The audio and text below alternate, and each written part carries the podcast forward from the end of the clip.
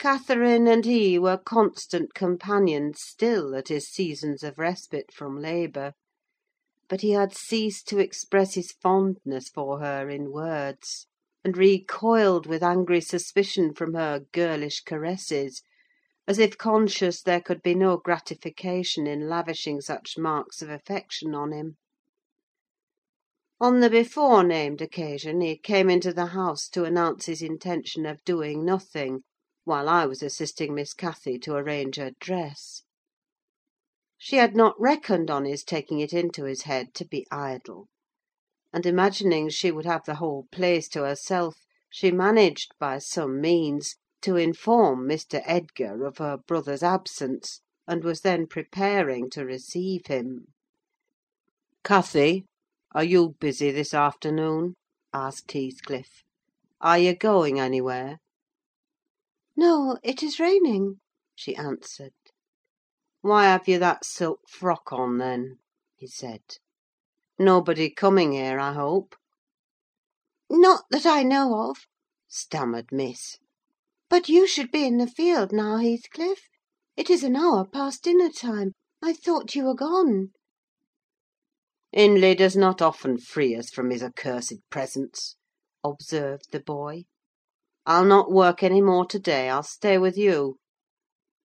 "Oh, but Joseph will tell," she suggested. "You'd better go." "Joseph is loading lime on the further side of Penistone Crags. It will take him till dark, and he'll never know." So saying, he lounged to the fire and sat down. Catherine reflected an instant with knitted brows: she found it needful to smooth the way for an intrusion. "Isabella and Edgar Linton talked of calling this afternoon," she said, at the conclusion of a minute's silence. "As it rains, I hardly expect them; but they may come, and if they do, you run the risk of being scolded for no good." "Order Ellen to say you are engaged, Cathy," he persisted. "Don't turn me out for those pitiful, silly friends of yours. I'm on the point, sometimes, of complaining that they but I'll not." "That they what?" cried Catherine, gazing at him with a troubled countenance. "Oh, Nelly!" she added petulantly, jerking her head away from my hands, "you've combed my hair quite out of curl. That's enough: let me alone. What are you on the point of complaining about, Heathcliff?" "Nothing. Only look at the almanack on that wall." He pointed to a framed sheet hanging near the window, and continued, "The crosses are for the evenings you have spent with the Lintons; the dots for those spent with me. Do you see? I've marked every day." "Yes, very foolish: as if I took notice!" replied Catherine, in a peevish tone. "And where is the sense of that?" "To show that I do take notice," said Heathcliff. "And should I always be sitting with you?" she demanded, growing more irritated. "What good do I get? What do you talk about? You might be dumb, or a baby, for anything you say to amuse me; or for anything you do, either." "You never told me before that I talk too little, or that you dislike my company, Cathy!" exclaimed Heathcliff, in much agitation. "It's no company at all, when people know nothing and say nothing," she muttered. Her companion rose up, but he hadn't time to express his feelings further, for a horse's feet were heard on the flags, and having knocked gently, young Linton entered, his face brilliant with delight at the unexpected summons he had received. Doubtless Catherine marked the difference between her friends as one came in and the other went out. The contrast resembled what you see in exchanging a bleak, hilly, coal country for a beautiful, fertile valley; and his voice and greeting were as opposite as his aspect. He had a sweet, low manner of speaking, and pronounced his words as you do: that's less gruff than we talk here, and softer. I'm not come too soon, am I? He said, casting a look at me. I had begun to wipe the plate, and tidy some drawers at the far end in the dresser. "No," answered Catherine. "What are you doing there, Nelly?" "My work, Miss," I replied. Mr. Hindley had given me directions to make a third party in any private visits Linton chose to pay. She stepped behind me, and whispered crossly, "Take yourself and your dusters off. When company are in the house, servants don't commence scouring and cleaning in the room where they are."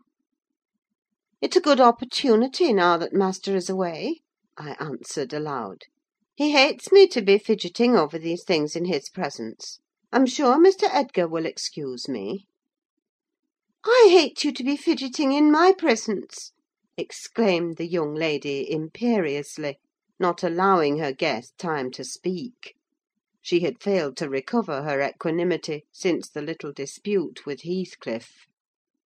"I'm sorry for it, Miss Catherine," was my response, and I proceeded assiduously with my occupation. She, supposing Edgar could not see her, snatched the cloth from my hand, and pinched me, with a prolonged wrench, very spitefully on the arm. I've said I did not love her, and rather relished mortifying her vanity now and then: besides, she hurt me extremely. So I started up from my knees, and screamed out, "Oh, Miss, that's a nasty trick! You have no right to nip me, and I'm not going to bear it." "I didn't touch you, you lying creature!" cried she, her fingers tingling to repeat the act, and her ears red with rage. She never had power to conceal her passion: it always set her whole complexion in a blaze. "What's that, then?" I retorted, showing a decided purple witness to refute her. She stamped her foot, wavered a moment, and then, irresistibly impelled by the naughty spirit within her, slapped me on the cheek a stinging blow that filled both eyes with water. "Catherine, love, Catherine!" interposed Linton, greatly shocked at the double fault of falsehood and violence which his idol had committed. "Leave the room, Ellen!" she repeated, trembling all over.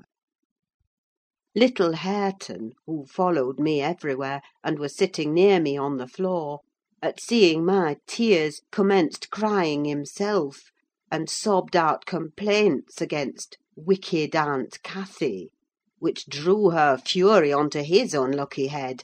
She seized his shoulders, and shook him till the poor child waxed livid, and Edgar thoughtlessly laid hold of her hands to deliver him. In an instant one was wrung free, and the astonished young man felt it applied over his own ear, in a way that could not be mistaken for jest. He drew back in consternation. I lifted Hareton in my arms, and walked off to the kitchen with him, leaving the door of communication open, for I was curious to watch how they would settle their disagreement. The insulted visitor moved to the spot where he had laid his hat, pale, and with a quivering lip. "That's right!" I said to myself. "Take warning and begone. It's a kindness to let you have a glimpse of her genuine disposition." "Where are you going?" demanded Catherine, advancing to the door. He swerved aside, and attempted to pass. "You must not go!" she exclaimed, energetically. "I must and shall," he replied, in a subdued voice. "No!" She persisted, grasping the handle. "Not yet, Edgar Linton! Sit down: you shall not leave me in that temper. I should be miserable all night, and I won't be miserable for you." "Can I stay after you have struck me?" asked Linton. Catherine was mute. "You've made me afraid and ashamed of you," he continued. "I'll not come here again." Her eyes began to glisten, and her lids to twinkle. "And you told a deliberate untruth," he said. "I didn't!" she cried, recovering her speech. "I did nothing deliberately. Well, go, if you please: get away! And now I'll cry. I'll cry myself sick!" She dropped down on her knees by a chair, and set to weeping in serious earnest. Edgar persevered in his resolution as far as the court: there he lingered. I resolved to encourage him. "Missy's dreadfully wayward, sir," I called out: "as bad as any marred child. You'd better be riding home, or else she will be sick, only to grieve us." The soft thing looked askance through the window. He possessed the power to depart, as much as a cat possesses the power to leave a mouse half killed, or a bird half eaten. Ah, I thought, there will be no saving him. He's doomed, and flies to his fate. And so it was. He turned abruptly, hastened into the house again, shut the door behind him; and when I went in, a while after, to inform them that Earnshaw had come home rabid drunk, ready to pull the whole place about our ears (his ordinary frame of mind in that condition), I saw the quarrel had merely effected a closer intimacy, had broken the outworks of youthful timidity, and enabled them to forsake the disguise of friendship, and confess themselves lovers. Intelligence of Mr. Hindley's arrival drove Linton speedily to his horse, and Catherine to her chamber. I went to hide little Hareton, and to take the shot out of the master's fowling piece, which he was fond of playing with in his insane excitement, to the hazard of the lives of any who provoked, or even attracted his notice too much; and I had hit upon the plan of removing it, that he might do less mischief if he did go the length of firing the gun.